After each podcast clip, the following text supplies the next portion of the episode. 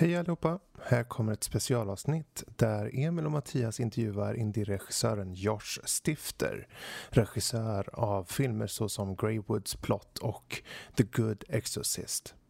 Det här avsnittet kommer vara smygstarten av säsong 3 för Kultpodden som på riktigt startar den 9 september. Så fortsätt prenumerera och varsågod, här kommer intervjun med Josh Stifter.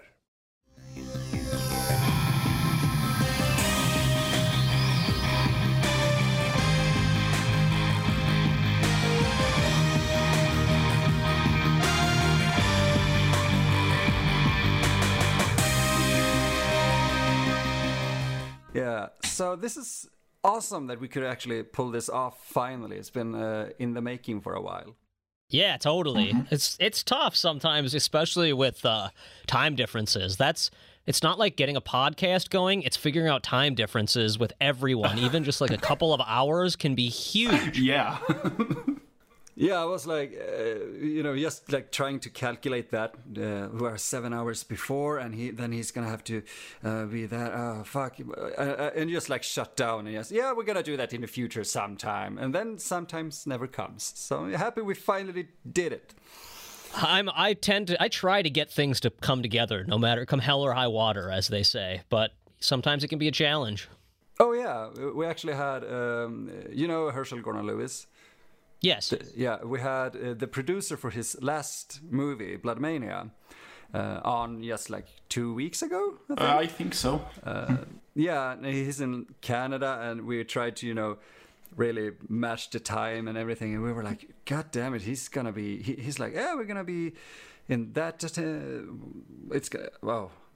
I'm just trying to figure out the words since you know English isn't our main language, uh, but just getting the the schedules to work was a nightmare. Yeah. California is only two hours difference for me, and getting those people on a podcast sometimes can be such a challenge. Where at the back and forth, where you're like ten o'clock, and they're like, okay, ten o'clock, and then we don't talk about the time zone, and then everything gets thrown off, and oh yeah. and also, people from California are generally completely aloof.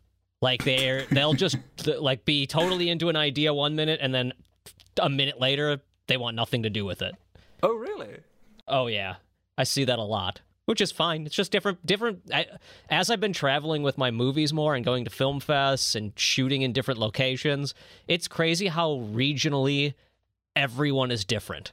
Like even in the U.S., the difference between I'm in the north, the difference between the people in the north Midwest and the people down south and the people in Texas and the people in California and every coast people act completely or every location people act completely different. That's kind of fun to hear actually, because we live in Sweden and Sweden is very small. Uh, and yet we have the same thing uh, because I live in Gothenburg, but if I go up to where Mattias lives in uh, Norrköping, as it's called, uh, it's like completely different personalities. Yeah. Completely. It's insane. I even saw that I went to Scotland this year, and the difference in Scotland between different locations was crazy different. People just acted different, and you really notice it when you're out of your element because you try to like adapt to what that that location does. And in my head I'm just like oh we're in Scotland. Everyone acts the same. And so like in one place everyone acted one way. Then we went to another location and everyone was completely different like utterly different personalities in the group. Like the group mentality was completely different. Not just like I was hanging out with different people but yeah it's crazy.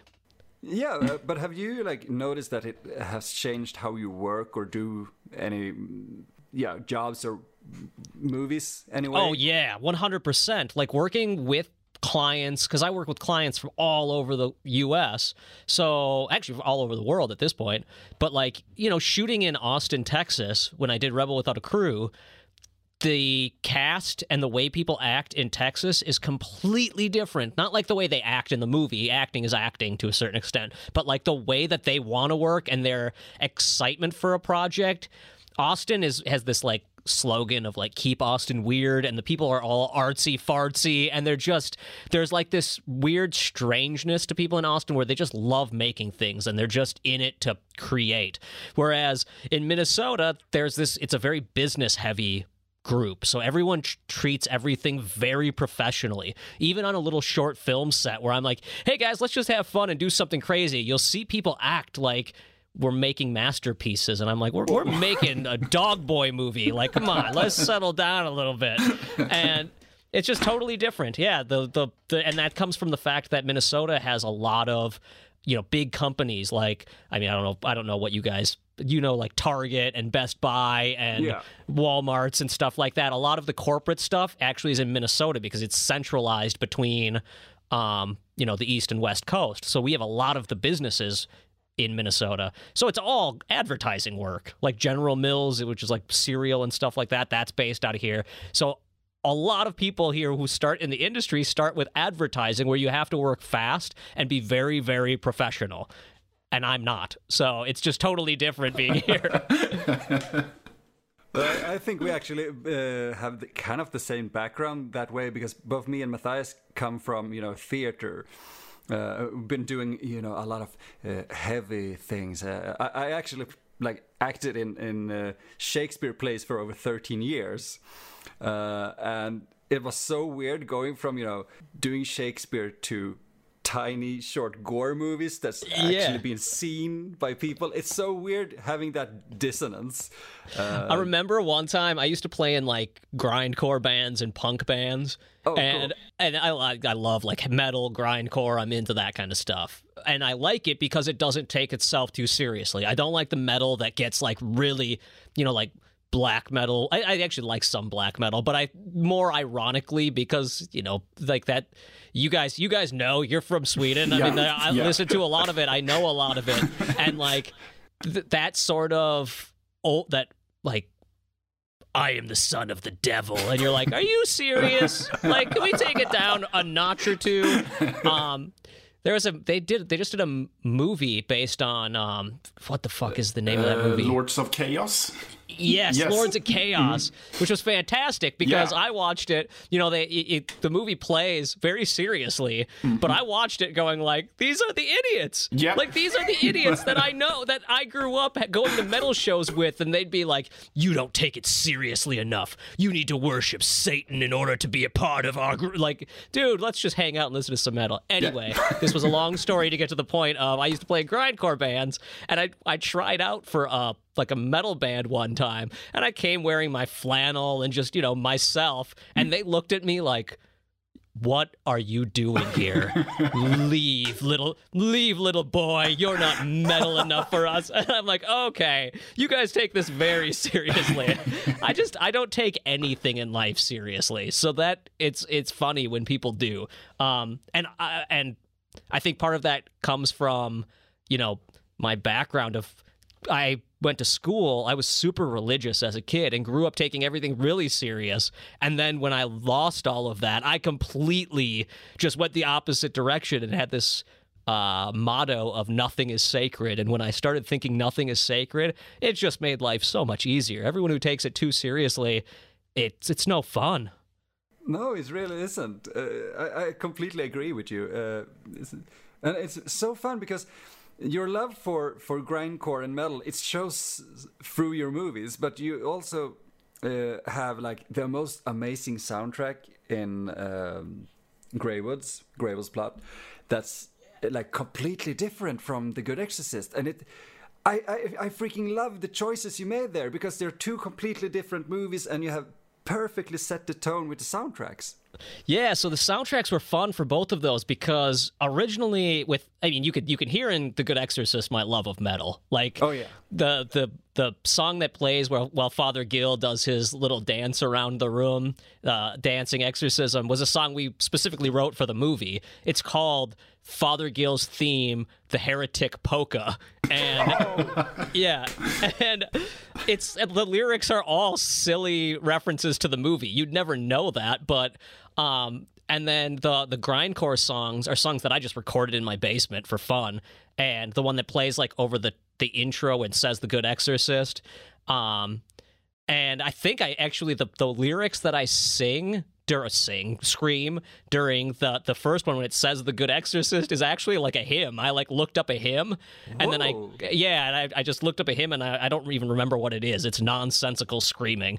But uh, the words were from the from a hymnal. And then the last one at the end I think I called it a song for my boy, and I think I just screamed something about never having kids because they fuck up your life or something. it's just not utter nonsense. And uh, I love that kind of shit, like having fun with the music in the movie. And then I just asked friends. I got punk rock friends who wanted to put songs in the movie, and I was like, "Hey, man, can I use your songs?"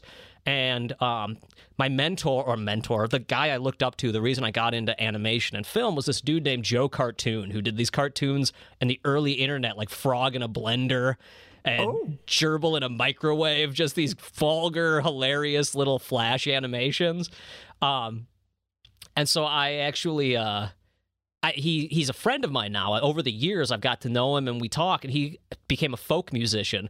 So that song at the end when Father Gill drives away and then comes back, that's actually one of his songs. So I was really proud to get, you know, a song from basically the guy who got me into the industry. Or the reason I started doing this as a kid or making cartoons as a kid had a song in my movie. And then with Greywood's plot, I was just like, you know what? Screw it. Let's just take public domain songs. We know we're not not going to get in trouble for them, and just recreate them ourselves. So I called Scarlett, who was another good uh, Rebel Without a Crew filmmaker, and I'm like, "Hey, will you sing Home on the Range for me?" And it's so it came out so gorgeous. Oh yeah, Like- it's perfect. And so I had it just became the theme for the whole movie, and that one worked so well that I was just like, you know what? Screw it. Let's put out a Facebook post and see if anyone else wants to record. So I was like, hey, does anyone want to do a version of House of the Rising Sun?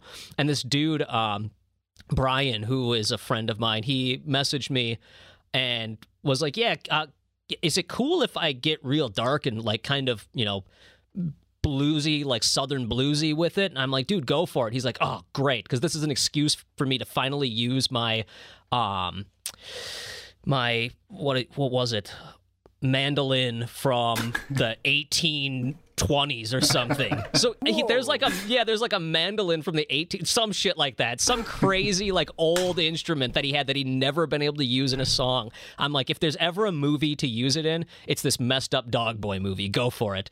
Um yeah, so we just had a lot of fun like making those songs. There's actually you I've I haven't played it yet, but there's going to be another song. I'm replacing one moment with a another um old song. Get get along little doggies. An old like Roy Rogers did a version of it and a bunch of people did versions of it. But I'm like, man, I that was the original one I wanted to use. Get along little doggies, you know, it's just kind of ironically funny. And I was like, I really wanted to do that one, but we I never found someone to do it, and I never had the time to do it myself.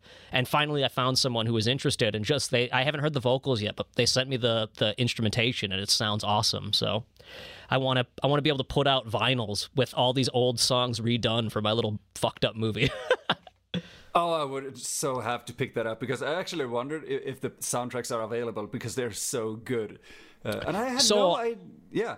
I want to do a. I'm, I'm going to do a good Exorcist one in a couple weeks. I think I'm just trying to figure out how to get it made, like who to get it through, because there's a bunch of different companies, and I'm probably going to end up just basically eating the cost and not making any money off of it, which is totally fine. But I want to do a 12 inch vinyl with uh, one one side being like a a montage of the best parts of the score, and then the other side being the soundtrack. Because the soundtracks are aren't that long; they're only about thirty minutes of songs. So I can fit all of the soundtrack onto one side and and then highlights from the score onto the other. And I thought that'd be a cool idea. Oh yeah, dude, that's that's totally amazing. I would love if more movies actually did that. That would be perfect. I think it's funny because a lot of them don't. They either highlight their soundtrack or they highlight their score. Yeah. And I like both. I really I feel like the two can work together so well and so few people do that. So like in Greywood's plot, um he keeps going back to uh like a uh, the, uh, and the actual score itself, he does like a uh repri- reprise or whatever or kind of replays the the home on the range but in in instrumental form no vocals just like violins and stuff. And that plays like three times in the movie as well. I always thought that was cool.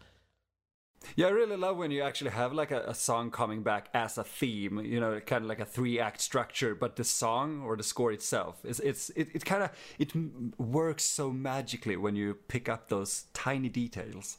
Yeah, so that's what we did with uh, Home on the Range. We played it at at all three times like at the beginning, then when the act break happens of the surgery is about to happen, and then at the end of the movie. And yeah. then we also play it halfway through each sequence. So when the boys first get to the woods, it's only score. There's no like vocals. It's not that same version. It's a score version. When the boys get to the woods and Doug drops them off, it plays again there, and then it plays when Keith is coming out of the like weird messed up living forest thing and finally coming out. That I play it at both those moments as well. And I think it actually plays at the very end of the movie, right like the latter while he's driving off before the grindcore song comes on. But I really love actually that it ends with a grindcore song because it it it it uh, it gives it a nice break. Uh, it does. I think it lets people know that I'm not serious about this movie too a little bit where it like cuz the end takes itself so seriously that I think people are like does he meet like you could take it as like Josh thinks he's an artist and a genius when in reality I'm like Daniel we got to go stand in front of this lake in the snow it, well it's sleeting out and do like a uh uh what do you call that? Uh, American Gothic, the painting. Yeah. The Amer- do like an American Gothic with the dog boy and Doug. Like I can hear in the audience that people are like, "Are we supposed to laugh at this, or is he going to be embarrassed?" And I'm like, "Dude, you guys should laugh. This is so stupid. like, it's so stupid, and I know it." So then, when that grindcore song hits, I think it allows people the moment to like leave the theater or leave their viewing going like, "Oh, Josh, he's just fucking with us in a way, in a fun way." And if people, you know, you can still think it's a good movie, you still think it's beautiful or whatever, but it's it's fun. It's meant to be enjoyed. It's not meant to be like over processed. But that's the thing I find with Greywoods. It's it's so cool because the first two uh, acts are kind of you know it's funny, have fun. It's it feels like a kind of a feel good movie, really. And yeah. then the third act, it's so fucking disturbing. uh, and I really thought it was. I was like, me and my, my photographer or uh, editor friend, we were like sitting there watching it and like, yeah, this is really cool. Yeah, he was on Rebel. Yeah, okay, cool. Uh, coming to the third act and just quiet all the third act. Like, this is messed up. Uh, I love that. It works. Yeah, it's so perfect. And then you just cut it off with the the grindcore song, and you just oh my god, I can relax. It's so much fun now. So I, I fucking love it. You did it so well. Thank you. I actually didn't know that you sang those songs. That's that's that's news to me. Really yeah, I cool. did. I did the the grindcore stuff. I I had a band for a while. Well, not a band. I played music by myself. Um, doing grind, recording grind songs, and the band was called Dull Boy Jack you know, like a work no play makes Jack a dull boy. Um, it's called Dull Boy Jack, and so for this, I wanted to do some grindcore songs, but I was like, ah, I want to make it. I don't want to like make it as a part of a band. I want people to know that it was just for the show. So um, I, I called the the band the Johnny Hog. Uh, what was it called? The Johnny Hog Experiment or something like that or the Johnny Hogg's collection. And Johnny Hogg was the director of Rebel Without a Crew. And I got this phone call where Johnny Hogg was like, dude, you you can't do that. you can't tie me to your movie like that. I'm like, really? He's like, well, he's like, I'm fine with it, but legal is getting all up in arms because they think I wrote the songs and I didn't get paid for it. And now I'm like, oh my god, you guys take it way too seriously. So then I called it Hogs and Crows because the the the um the director was Johnny Hogg and the producer of the show was Ryan Crow. So I called it Crows and Hogs. but oh. I I got in legal trouble for the names of the songs because one of the songs was called um uh $7,000 and all I got was herpes in this shitty movie. and the other one was called Fuck Reality TV and all of the legal bullshit that goes along with it. and they're like, Josh, you can't put those words in the text because you know it's going to be airing on the El Rey network. We can bleep out any fucks or anything, but we can't show them on TV if we want to show them. Like, we're not going to blur out the text. Can you change the name of it? And I was like, and so, and then, and this was like a 70 year old woman who was asking me these. She's like, I have an issue with your song names. And I'm like, what, what's wrong with them? And she's like, well, the one is called $7,000 and all I got was herpes. And this shit movie. and I just start laughing. I'm like, Mary, this this whole experience is made worth it for the fact that you had to say that. Um, so so then I ended up just changing it to the like the abbreviation or the acronym or whatever for it. But that's what the name of the songs were. But I really love that attitude. Uh, we have spoken a, a, bit about everything that went on uh, during Rebel, and and uh, it's so fun to watch that show now and like picking up on some things because uh, seeing it for the first time, I was like, yeah, something something's off here. Something's not right, maybe, or maybe you know some editing or something. And then speaking yeah. about it, yeah, it was totally like that. But yes, I fucking knew something was up with that. Uh, because oh yeah, I mean it's reality TV yeah. at the end of the day. They've got to tell the story in a quick amount of time, and that's just not the way real life works. So you know the drama isn't always exactly how the drama went but i will say it's it's pretty damn close like the idea is all there they did, definitely didn't steer from the stress that goes into filmmaking you know some of the ideas that go into it but yeah there's also like tons of other stuff happening behind the scenes that no one is seeing they never talked about the fact that i got bronchitis and was you know hawking up blood in the shower the morning before my last day of shooting and almost didn't make it to set and then the minute i walked in the door they took me to the hospital after finishing, after wrapping the movie. I went to the hospital immediately after. Whoa. Yeah. And got, you know, was up all night in the hospital. So the next day when I went to meet with Robert and he gives me like a fist bump, eh, like that's why, because he didn't, we didn't know if I was contagious or what I had or what was going on. I always like saw that as a, you know, oh yeah, well they're kind of cool, you know, just chilling. But instead it was like you're not gonna make him sick as well. No, really definitely. Fun. I mean, yeah, we. I just I'm not a fist bump guy. I'm like a big hug. I would give Robert a hug or a handshake or something like that. But the the the fist bump is was definitely a I see it whenever I see it I'm just like oh that's hilarious they and they even used it in the promotions they were like Josh is fist bump, bumping Robert doesn't he look cool in reality I'm, I see it every time and I'm like that's not what I would do I'd never fist bump someone no, because I saw that image and was like, yeah, that's a cool picture. And now knowing the backstory, it's like, oh, it's kind of cool and it's very fun. Yeah. It's Jesus Christ. Yeah, that whole experience was amazing. Like it was so fun and so different and uh I wouldn't well I hate the fact that you know, it it made the movie take longer to get out and it's kind of been a pain in the ass to do everything and you know, I definitely wasn't able to make The Good Exorcist as good as I could have if I did it on my own. I still would never I wouldn't change a thing. I loved the experience. Hmm. Well, it's not everyone who can actually say, "Well, Pierce Brosnan fucked up my movie," kind of. Yeah. Oh my God, that golden-eyed son of a bitch.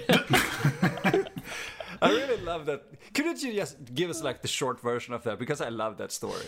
Yeah. So when I we started filming the movie, and the the place I was uh, renting or, or we were shooting at the the location that I had paid to to make the movie at, they were like, "We'll give you a discount because there's going to be some people coming around, but it's not going to get in your way too much. It's just there, this Pierce Brosnan show called The Son, it was an AMC show, is going to be filming here. So they're going to need to come in and like check some of the locations and see what's going to work and figure out how they're going to film here uh, cut to a week into my filming, and the whole construction crew is there tearing down the buildings that I'm trying to shoot in, backing up their trucks while I'm trying to film, you know, asking me to leave, like just getting purely getting in the way, yelling at each other, hammering, just a mess. And so the the running joke became that Pierce Brosnan was like trying to take down my movie, his multi-million dollar show, which it isn't even his show. He just stars in it. But the joke was that his multi-million dollar show was trying to take down the little movie that could. So anytime and it, then it got to the point where like anytime a plane would even fly over or anything, it's like Pierce with like every time. In fact, I have footage of Daniel. The a plane flies over, and I'm like, "Hold for a plane," and Daniel goes, "Goddamn, Pierce Brosnan's parachuting in right now." Fly by fruiting, like a Mrs. Doubtfire jokes and stuff flying left and right. But yeah, that it was a mess, and that's the reason why the audio in The Good Exorcist is the way it is is because you know we we didn't have good audio because you can't make a movie well construct in literally in a construction zone but we did it anyway and we did the best we could with what we had if i could go back and my advice to anyone is if you have any doubts about your audio just have your cast read the script three times Just read it three times and just get the lines because you can always cut around it. We just straight up, I didn't have the time and didn't think about it. We were always behind schedule because of the reality show. You won't be. You'll if you're making your movie without a reality show, you can take all the time you want. Um, and hopefully you're working with people who are good at or you know you, you can do adr with them and stuff like that later but try to get it on set. It's always so much better in the day. It's better in, on set. It's better if you can cut around it like robert did for el mariachi. And that's one of the things that i learned from el mariachi that i should have done and was just like eh we got the lavs on. We've got other stuff. We'll figure it out. And we just it it's just hard. It's a lot of work. If you have a sound person that can do it for you great. But a lot of people making these no budget movies you basically have to do your sound yourself yeah, we actually have like uh, we we try to always have a sound guy or someone just standing there with a boom and a recorder. Uh, but most of the time, as you have seen in my shorts I sent you, there's like okay, we had big audio issues. We can talk about that some other time. But the the stories behind why those movies are ADR'd or dubbed. They're not just because oh it was a fun thing to do. No, it was a necessity. Yeah. So we just had to do it, you know, sitting at my living room floor in front of the TV, just screening the movie, and just, oh, this is so weird doing like two weeks after the shoot because we're so out of it. And yeah, and the tone work. of the room is different. You can never quite match the quality. Like, and one could argue that you can, but I was I was watching Tropic Thunder last night, I was drunk off my ass and for some reason put on Tropic Thunder. Don't ask me why. And I was just like, I'm going to watch Tropic Thunder. And there are lines in that movie where I'm like, wow, that ADR is awful. Like, absolutely awful. And that's a that's a huge movie. So I just don't think it's easy to get right.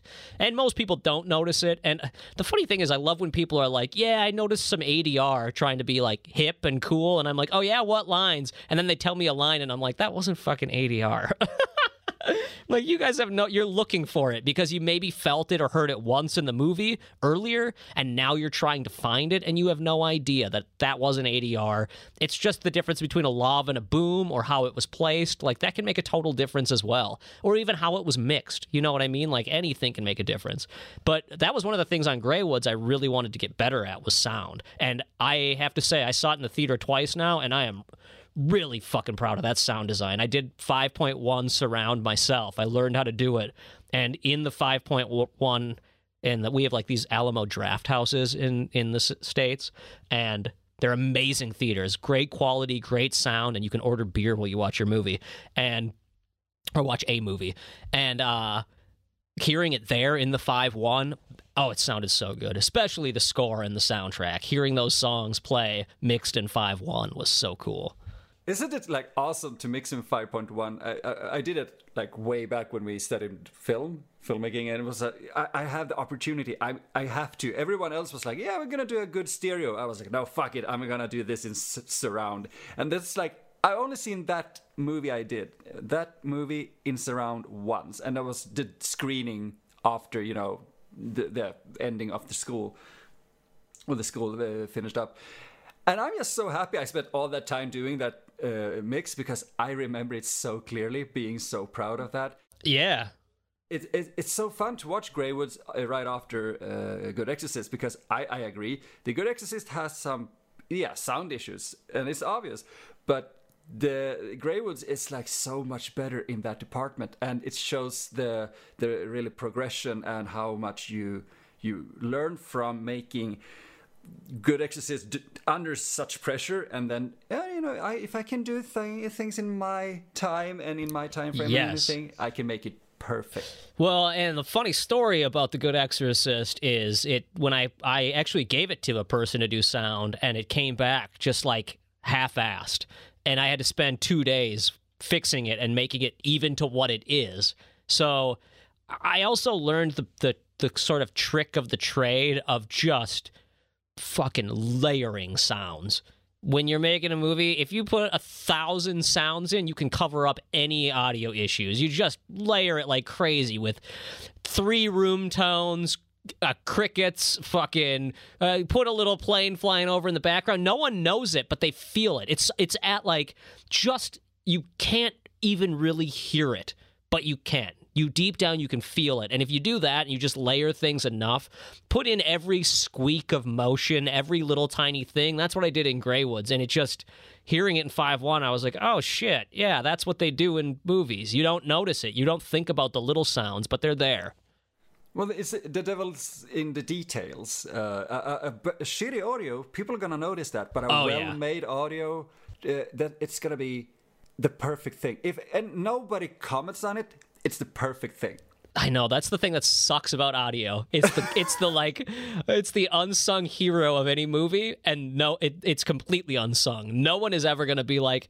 uh, Even when you see the Oscars and people are you you see like someone get nominated for best sound design, you're like, well, that it's just obvious. This person is getting the credit because they went big with the sound design. They did. It's all why war movies always win because it's explosions, and like the beauty is when you see something that's like really small and indie and you're just like wow they just killed the sound in that Yeah, well, that's the thing with like El Mariachi. I, I have watched it so fucking many times now because Yeah. it's it's so brilliant, uh, especially if you have seen the the ten minute film school uh, before it, because then you're like, oh my god, how how did he do that? And it fucking just synced up so well, and all this. Uh, if I you know cut away from this, we don't see that it's out of sync and such. All those little cover ups that works so perfectly because he knows how to do edit, and just learning how to edit and. Um, you know, yeah, layering audio as you should, just make it work.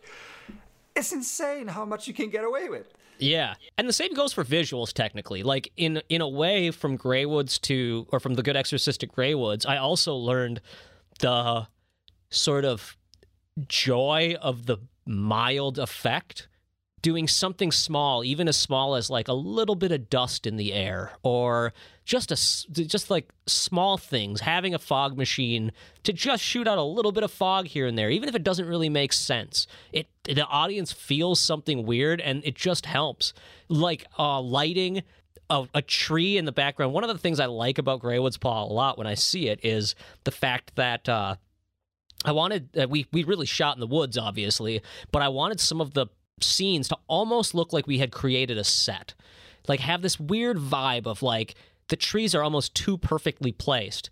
So what I did was uh, I would just light the trees. Like I would specifically set up a light on the ground for the trees, even in the day, and it would make them pop in a weird, unnatural way. And whether you notice that or not, doesn't matter because you feel it. You feel the like weird unnaturalness of the woods. Uh, actually, this is the, like a great compliment. Just, just so you know, it felt some parts felt like uh, an Ed Wood movie. Oh, uh, that is literally what I was trying to make. I'm a huge Ed Wood fan. So my idea was like, can you make a modern Ed Wood movie that isn't bad? Like, here's the fact. You'll never make it through not you, but like most people will never make it through an Ed Wood movie. It's just not fun to watch. They're just filling time, they're boring, and modern audiences wouldn't sit through it. I wanted to make something that felt, though, like what Ed Wood was doing, that same vibe of like, just going for it. Like, I don't know, let's just, I'll just get naked and put on this bat mask and I'll be a bat boy in the woods. I have no fucking idea what it means. Let's just do it. And like, it was an Ed Wood mentality. And that is, it's totally a compliment because those are the movies that I am really inspired by, honestly. Stuff like the Mystery Science Theater 3000 movies, stuff like Ed Wood's movies, I the old Universal monster movies. I know they're heralded as amazing, but I dare anyone to sit down and like without not being a horror fan or not being a like a person who understands the art and just like watch it. Most of the Universal monster movies as much as we love them for what they were, they wouldn't stand the test of time if you played them if they came out today people wouldn't be like what a masterpiece i wanted to make something though that felt like that was really like harkening back to those ideas I really think you did actually. I, I, I completely get where you get from uh, uh, or coming from because I made you know shitty sets and everything just to make a shitty set, but you know use it in the right way, uh, not taking everything too serious. And it's a hard thing to do. Uh, I don't know. Uh, do you know who James Rolfe is? no He's like the angry video game nerd on YouTube. oh yeah yeah yeah yeah Yeah, uh, 2005 he made a, uh, a short called like "The Deader the Better," uh, which was him literally making a gray uh, graveyard uh, set in his parents' garage Sure. and fucking up zombies in there, and it's it it works perfectly. I don't know if it's a, uh, available to uh, stream or anything online anymore, but I saw it back then. I was like, dude, this is exactly what I want to make. So it's so fun hearing like all these creative, independent people like, yeah, you know, Ed Wood was fucking awesome and everything, but his movie sucks. But if we can take the fun part out of it and make something great out of it. And Yeah, that's Ed- where we all are. I think Ed Wood just didn't quite understand storytelling itself. So one of the big things was I, you know, I love I'm doing this because I like to tell stories. I have something personal that I want to say. Otherwise, I wouldn't do it. So all of my movies, it's like, okay, what's a theme? I start with like a theme. I'll write down three or five things. The very first thing I do when I come up with an idea is write down five things that kind of encompass the movie. So if I'm ever like thrown off or I'm like, man, I'm not feeling this movie right now, I can look at that and be like, oh yeah, that's right. It's supposed to be gory. You know, like that's one of my five things in Greywoods is don't you know, go gory, have fun with the gore. Um, and friendship was another thing. Well, I think in, in the note card I, I wrote, um, friendship or the divorce of such or something like that. Because it's a movie it's essentially a divorce movie about the divorcing of a friendship. And so like i, I wrote that down um, and then i wrote i think i wrote weird and i wrote i don't remember what the five words were for Greywoods um, and like for and for like I'm working on this third movie Scumbag right now. So I wrote like loneliness is one of the one of the things. So if I'm ever like stuck in a bind and I look at it, I'm like oh let's just do a scene where he's like digging into the loneliness like let's really hit that hard um and then practical effects was another big thing that I'm working on with that movie. So like if I'm ever stuck and I'm like, ah, I don't want to do this monster, I can look at that card and be like, yes, practical. Um, and that's you know, Greywoods was the same thing where I had more themes and I had an idea. I had, I don't think Ed Wood really had themes. I don't think he thought that much about it. I think he went, I don't know, we'll do a graveyard. Yeah, Get, he get the giant like- squid. Let's go. yeah, exactly. This, you know, oh, the love of cinema, but not getting how to make cinema. Really, I'm not saying that we are making great cinema art, but you know, that thing, just the storytelling part, and it's so. I really love, uh, like you know, having five themes or five words, a couple of themes uh, and, a words, just to come back to it, like keeping you uh, on the road. You know, just making it work. Yeah, because I think really that's- need to have that. Yeah, that's how the audience is going to connect. I think the biggest problem that a lot of good films versus bad films have that I've noticed over the years of, you know, being a fan of movies is the good ones know what they're about from beginning to end. They never get lost. They never have tangents where you're like, why are we going into this? This has nothing to do with the rest of the movie. And that was kind of important to me was that every tangent had a reason to exist in this in that idea of like five things. So like one of the scenes that kind of got added last minute was it's a really goofy, stupid scene, but I think it really helps the movie. Uh, is the scene where I'm up in a tree and I fall out of the tree, and that scene got added because I was like, we need something that lets people know that there's an element of Abbott and Costello to this. Like there is a little bit of, of black and white comedy. Like it doesn't need to be a funny joke. It doesn't need to be even a well put together thing. But if it's if it's there and it's quick and we move on, people will go, "Oh, that's right. This is a stupid movie." Okay. Um or or the reason I wrote that thing, that's why I wrote the thing uh the the the killer hobo animation into the movie or the the, the cannibal hobo into the movie that story was because i was like you know what we're about to go from two boys in the woods having a good old time you know just kind of hanging out one of them's having a beer they're kind of bickering but they're getting along well enough to me getting my face cut off I, I need to do something to let the audience know not to take this too seriously. So I wrote that scene in there as that. I still that scene always makes me laugh. Like it always makes me just go like, "You're a fucking idiot, Josh. Why did why do you do shit like this?" But it works. It lets the audience know this is like a weird reality, and you can just let it go. Like you can just let these moments be what they are. And yes, they're tense, and you're probably gonna cringe a little bit at what you're about to see. But it's okay. You don't need you don't need to leave. No, because you already had fun. You already laughed. Uh, uh, and you know, it's it's not. It's playful. I also think it's a payoff when you get to the get to the surgery because it's called Greywood's plot. You know something's going to happen with Greywoods. So like taking that long to get there, it builds that anticipation. So when it finally happens, you're like, "No, but yes, please. Yes."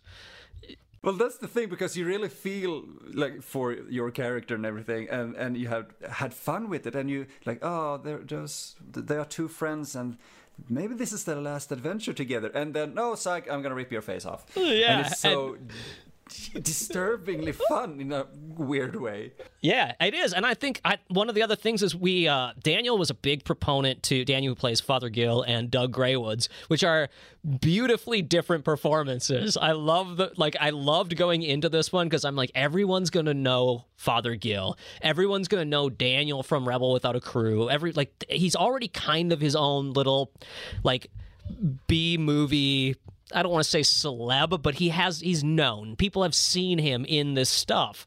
And so going into Greywoods and seeing him, everyone is predisposed to like want to laugh at him, but they know he's also going to be scary from the poster and stuff. So when he starts talking and he has that thick Michigan accent and just you know with the things he says where he's just so goofy you know he says like these little things like the, when he has that line where he's like uh a few, a fucking six pack. It looks like he had a fucking six pack. At like those moments, you're like, ah, are, are they pulling the? Are they pulling a fast one on us? And Doug isn't going to be the messed up, and this is going to be more of a fun romp than we expected. When it finally gets to it, you just totally are like, oh, you just want to see Daniel go for it, and he does. So it's a huge payoff to his performance. Um, you know, and seeing him grow as an actor for the audience often. Yeah, actually, I actually wrote to him uh, after I've seen both of them. and I was like, dude, that you really messed up, man. Yeah, because it's so two different characters, and it, it freaked me out seeing like, oh, the fun, light-hearted Father Gill, and then coming to you know, like him talking about a moose and being like, yeah. oh, he's he's odd, and then that whole dinner scene with you and him, and that was like Holy fuck, this is like some Texas Chainsaw shit. Yeah, so that was we filmed that 2 weeks before the movie was due for the film festival that it, the first film festival was due for. Yeah, that scene was never in the movie. So it cut from Keith getting hit with the bat or Miles getting hit with the bat to me getting my bandages off. And there was never a moment where Doug and Miles really got to, or Doug and Dom really got to be together, and I it always bugged me. So I I was sitting in bed, laying in bed, like contemplating what was missing, why this movie wasn't working, and I started thinking of my favorite scenes in movies, and I was thinking about like I love dinner scenes. I love them. Like a good dinner scene, Texas Chainsaw 2 is still the best. Texas Chainsaw 2's dinner scene is like a fucking masterpiece. Oh, it's so good. And in the Texas Chainsaw 1 dinner scene is awesome as well. Um, and there's there's tons of these weird dinner scenes in movies that I really really liked. And so or or just scenes involving eating. It's such a it's something that all humans do, so it's you're instantly relatable to it. There's a scene in the movie uh, The Burbs. I love the movie The Burbs. And there's a scene where they're sitting in the living room. Have you guys seen The Burbs? Uh, no, I actually haven't. Oh, you gotta watch it. Mm. Oh, you gotta see it. It's so good. It's been on my um, list for quite some time of the movies I need to check out. Oh, they're sitting. There's a scene where they're sitting in the living room with the weird family that moved in, and they offered them like pretzels and uh, uh, like anchovies or sardines or something on them. And Tom Hanks does this amazing performance where he like takes a bite of it and there's like horror music playing in the background as he's like attempting to eat this. And then he starts just like making these noises, trying to like basically not barf, I think, or like he's just like and then it like and then the scene just continues on. I love those moments of like weird eating making eating uncomfortable. So i was laying in bed trying to think of how we could do it and i'm like oh shit. You want to be awesome? Making daniel have to do a one-sided conversation. Like how cool would that be to see someone have to talk basically to themselves? And so I wrote the scene with the knocking on the table, and I'm like, oh, that'd be so cool because then you could see his little paw tapping the table every time he, you know, has to like knock on the table once for yes or twice for no, and uh, but the movie was due for a film festival, so I called up Daniel and I'm like, dude, I wrote this scene, check it out. And he's like, oh fuck, we gotta film this. so I grabbed the camera and we went to. He worked at this furniture store, and we just went into the basement of the furniture so- store, set up this weird table that they had, put some candles in, and then I got. uh I went to the gas station across the street and bought like a sal like a chicken salad, an uncooked chicken salad, and then uh salsa, like like salsa that you'd eat chips, like with chips. That's what's in the cup that I'm drinking out of is salsa. And there's no there's nothing weirder than being blind. Literally, I, I was blind because I had my face covered by the the wrapping and wearing this dog mask, so I'm totally blind. I can see nothing, trying to direct the scene and sucking down a cup of salsa. yeah. And luckily, Dan and Strauss have gotten pretty good at kind of knowing what I want and knowing the kind of shots I want. And, you know, so they were able to film me properly. And then I was able to, you know, film Daniel's stuff separate. Um, but yeah, that was a totally improv scene. In fact, uh, the the bringing in the soup thing because he brings in the like quote unquote moose soup, and uh, when he brings it when when Strauss brings it in, that was like something that was just downstairs in the in the uh, furniture shop. Like they had had like a you know a cookout or something one day and they had this crock pot. And we were just like what if he's like making the soup? We just wrote it on the spot because we wanted to get igor in there and we called that's what we call the fly man uh, strauss's character. We called him igor. Um, but uh, yeah we just we just improved a lot of that stuff and you know made the setup as we went because they had furniture that we could kind of throw in there and just put it together on the fly.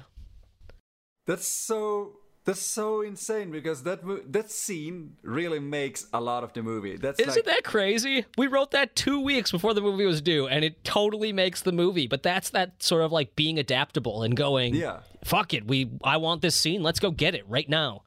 Well, you really did that thing, you know, with uh, what do I have? What can I work in? Uh, and it, it's so perfect because if you actually cut from from him getting hit in the head to the bandages getting removed, I can see it would work. Yeah, It misses something, and that uh, the, the the the conversation between those characters is so essential now to the movie. I feel that if you removed it, I would be like, no, fuck, that's that's like. We need that scene to like, melt everything together to get the point why Dom is actually buying it, why he's uh, why he understands Greywoods. which is funny because it's really a reiteration scene.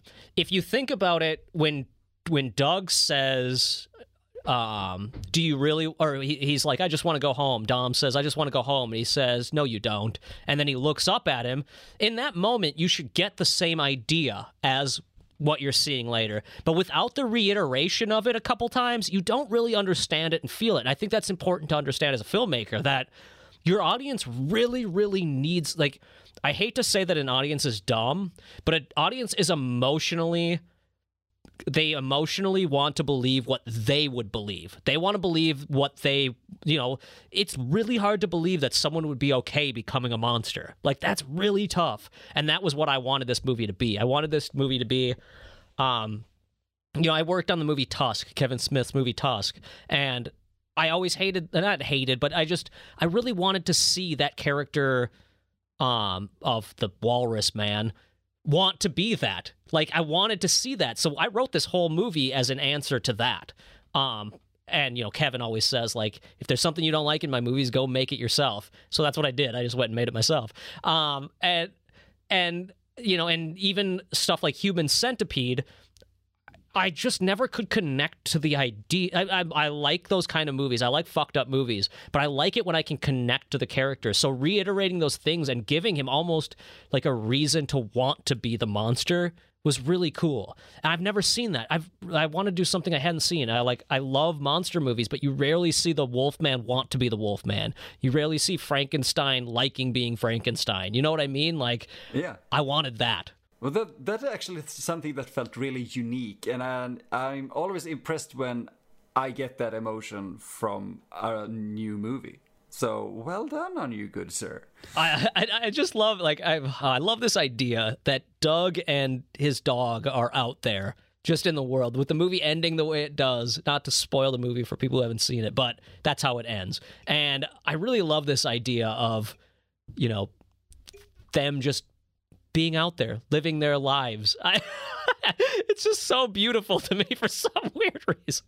You know the best part of it all is this I, i've done like three movies that involve dogs in some way and my mom is like a huge dog person and i think this is all in all, my whole life this is some freudian thing about my mom my mother issues because the first one i kill the dog. The second one or no the, the first one yeah, no, the first both actually the first two I kill the dog basically. and then the third one was my mom being my mom seeing both of my shorts and being like, "Do you have to always kill the dog? You know you're not supposed to. You're just trying to piss everyone off." And then I was and then I'm like, "Okay, I won't kill the dog in the next one." And I make the dog I literally have to kill make a monster dog. Um and I actually put my mom in this movie. That's in the the the she plays my mom in the movie. That is my mom. Oh, it is cool. Yeah, so I wrote it so just so just so that she'd have to say some fucked up stuff. So I made her say like rape shows and that I was a mistake and what's the there's a couple other good ones. She says uh would you rather be shitting razor blades, which always makes me laugh. You know, she said all of that stuff. I think she says fuck once. The only thing she wouldn't say was goddamn. Originally, she was supposed to say, now I have to find the goddamn takeout menu. And she wouldn't say it. She's like, I won't say goddamn. And I'm like, why? You don't, you're not religious. You, she's like, I just, I can't say it. What if your grandma sees this? I'm like, if grandma sees this, she's dead. By the time this movie rolls, grandma is dead.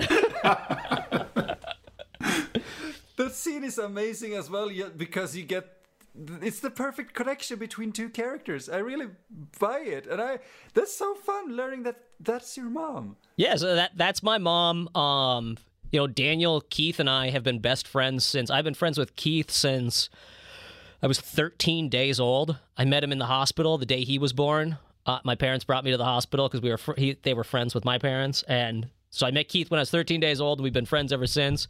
And I met, uh, which is funny, we've been friends for 34 years, and I make a movie about how I want to kill him. Um, but and Daniel and I have been friends since kindergarten. So I think that's one of the things that plays really well in the movie are none of us are afraid to be vulnerable with each other and just kind of weird. So, you know, there was nothing weird about us filming me and Keith filming a scene in the woods in our underwear. We had a blast making that scene. It was just fun. Or I guess Keith is in pajamas, but regardless, like everything we did was fun. And the craziest thing is is Daniel's performance is great. You know, I think we all did good, but the unsung, like the the under, uh, what's the word? Celebrated performance is Keith's because no one knows that Keith is like the quietest, like not acty person. Like this is like completely unlike him in any way, besides the fact that he plays video games and I crack some jokes about the kind of person he is from time to time. Like I sort of make fun of Keith a little bit in the movie, but I also like when he gives that little monologue about how you know he makes fun of me for or he's like we haven't done something fresh since we were kids. Like, this is stupid. Why are we doing this? I'm going. That whole thing. Keith would never say something like that. He would think it, but he would never say it. So I think that performance is amazing because I, it either it's Keith really got into the performance or maybe I wrote a little bit of what Keith feels sometimes when I make him go make these movies with me. But it, man, I love that. I think that performance is so good. Oh yeah, please send my regards to him because he really he's a big part of what makes that movie work so well. And that you know the scene on the hay bale where we're sitting on that hay bale, that Keith like ba- basically improv that scene, which really impressed me. I mean, like we we wrote it after we improved it, like we kind of tightened up the dialogue, but Keith kind of made up a lot of those jokes. He made up the joke about the the uh, shitting the size of a beanbag chair or whatever, and that, that the Bigfoot taking shit the size of a beanbag chair, and that that moment when I start laughing, that is like an utterly real laugh. That is the most me laugh you will ever see. Just that. That's like what I really laugh like, and I kept it in the movie because I thought it was really sweet to have a genuine moment between me and Keith in the movie. Yeah, it really works since, as you said, it's like a, a friendship divorce movie and a, a, really nice, touchy uh, moment between those two is is perfect. It really ties everything together. Uh, but I'm so sorry because I hate to cut things short, but we have kept you for almost an hour now, and I promised we should round it up really er- earlier. Actually. Oh no, no, no, we're we're totally good. My wife popped in like and basically said that they are not doing the art project quite yet, so we're we were good to go. Um, but yeah, we can wrap up whenever. Well, if uh, Mattias, do you have anything you want to ask or say? because we could sit here and talk for hours. That's the thing. Yeah, uh, no, I actually think you've covered everything I could think of. Well, we'll do this. Well, sometime I'll have you guys on the Flush Studios podcast, and we'll I'll ask you some questions, and we can get into some other filmmaking stuff. I just wanna. I want. I I think this is a this was a great conversation. I think it'd be a great opportunity to get different perspectives on filmmaking. Talk about you know maybe dig a little less deep into my actual content and a little more into like indie filmmaking and how we can do it. So that would be great. I, would uh, actually love to have you on uh, at ours again in the future uh, because I think we can have so many interesting things to tell each other because movie making here and movie making in, in America is kind of the same but very different. So i really want to speak more to you about that. It's, it's insane. I'm so happy that you actually want to talk to me about it because we don't really have a lot of people to talk to about it here. Uh, and that's yeah i mean even i don't have a lot of people to talk to which is why i end up doing the podcast is for me it's more uh, selfish i just want to bullshit with people about filmmaking so i do the flush studios podcast just to have these kind of conversations so talking to some indie filmmakers especially people you know uh, from across the pond, as they say. I don't know if that's is that just for is that just for England? Is that just like a British thing that they say across the pond and governor and whatnot? But I think it is, but we we kind of use it here as well. So yeah, but I I can use it here. I can use it, but um, for me it's more of a joke. So I Yeah, say right. it, I say it more in a with an ironic tone. yeah, making fun of the concept. Uh, yeah, yeah, that's what. I did too. When I was in Scotland, I probably said it 300 times just to drive everyone nuts. Or instead of instead of just saying like back in Minnesota or something, I'd be like, "Well, across the pond, we uh," just sounds like it's like the stupidest thing to say. Like, "Oh yeah, we don't have this kind of bourbon across the pond." They're just like, "You're a fucking idiot." But who wouldn't like actually overuse a, stupid sentence like that because it's so much fun? Oh man, it is. It's so fun. And like again, going back to like full circle back to the beginning, it's all about not taking yourself too seriously. So um yeah. That's actually a perfect way to end uh, this first episode, or we could call it uh, this episode, this interview, because we want to have you back and we're gonna have so much fun to talk about. I th- actually think that uh, we wanna just delve into more filmmaking and we want to dwell in, into more of your content as well. But I re- because you have an insane I, I know i've said, said insane a lot now but your patreon i want you to like plug your things now because your patreon is full of pretty fucking amazing shit Thank you. Yeah, I actually I'm really proud of my Patreon and uh, I I it's weird because I struggle to know if people like it or not, what's happening because a lot of people, you know, subscribe just to support. Some people, you know, use it and check out and actually comment and stuff like that. And then some people, you know, just talk to me personally and they're like, "Hey man, I like that video." So, the Patreon is like the perfect way to post behind the scenes, I think. I think that's like the new model as we've moved into this digital distribution era it's the reason we bought DVDs and Blu-rays was because we wanted that bonus content. Like we could just rent it and watch it or whatever, or fucking pirate it if we wanted it. But we wanted the like behind the scenes content, and so the Patreon is like the most behind the scenes you could possibly get. I show everything. I talk about how I'm feeling every couple of weeks. I do podcasts where I sit down with my wife and we talk about where we're at. If you want like behind the scenes of filmmaking that's what the patreon is for. So patreon.com slash flush studios. Um eh, but if you don't if you don't want to subscribe or you don't have the money right now we're in you know quarantined and locked down and a lot of people don't have the money right now. I post a lot of stuff on my twitter and on my instagram and you can kind of get a feel for the behind the scenes in there too because i essentially just live filmmaking at this point. You know, I, I, I have a job, I do other things, but the filmmaking is what I'm passionate about. So I I you know, hopefully people can learn something and maybe get inspired. And even if you're not into filmmaking, I think it's fun to follow along in the same way that I'll watch the hell out of a shitty cooking show, even though I can I can burn a pizza on any given Tuesday. So I I am not a cook, but I can totally watch a cooking show if it's a good one. So, you know, if you if you're interested in the process, I think the Patreon is a good way to do it. I'm doing a docu series right now called Don't Blink how I made a feature film, I think is what it's called. And it's going to be a 12 part series about how I made The Good Exorcist. The first three are up now on Patreon. And I just actually sent off the questions. I was going to go to Austin, Texas to um, do an interview with Stan- uh, Avery, who plays Stanley, um, Brittany, who plays Maria, all of the cast. And I, uh, you know, I can't fly now, so I just had them. I sent them the questions and asked them to to shoot me some video. And I actually got a really great video back from the guy. uh, He plays Father Raymond, the old man that talks to Father Gill.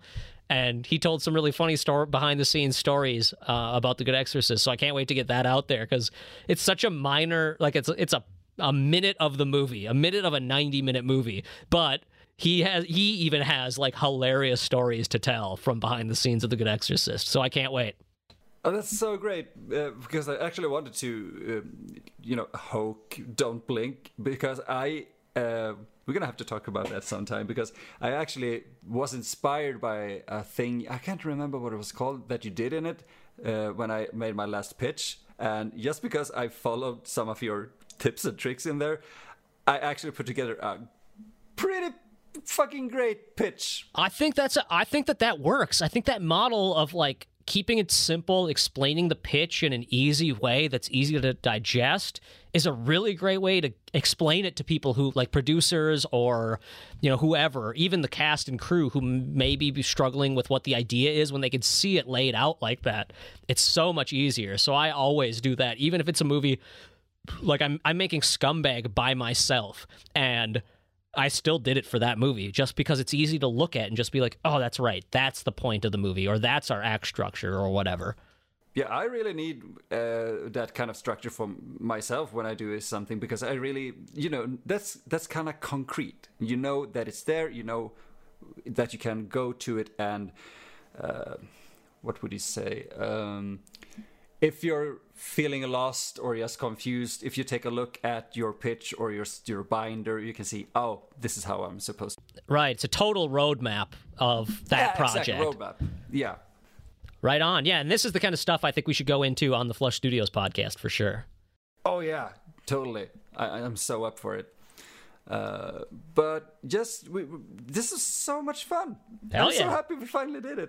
right on. Uh, oh, I'm just gonna. I, I, I wanna talk more, but we're we're gonna round this one up, and then, uh, well, we're very happy to have uh, have you on, Josh. It's an honor, and uh, uh, uh, I'm gonna say a privilege because Right it's so on. much fun.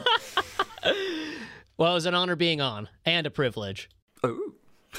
Uh, so thank you everyone for uh, listening and we'll yeah well you hear us in uh, a couple of weeks again so have a good one and yeah bye Cheers. Bye.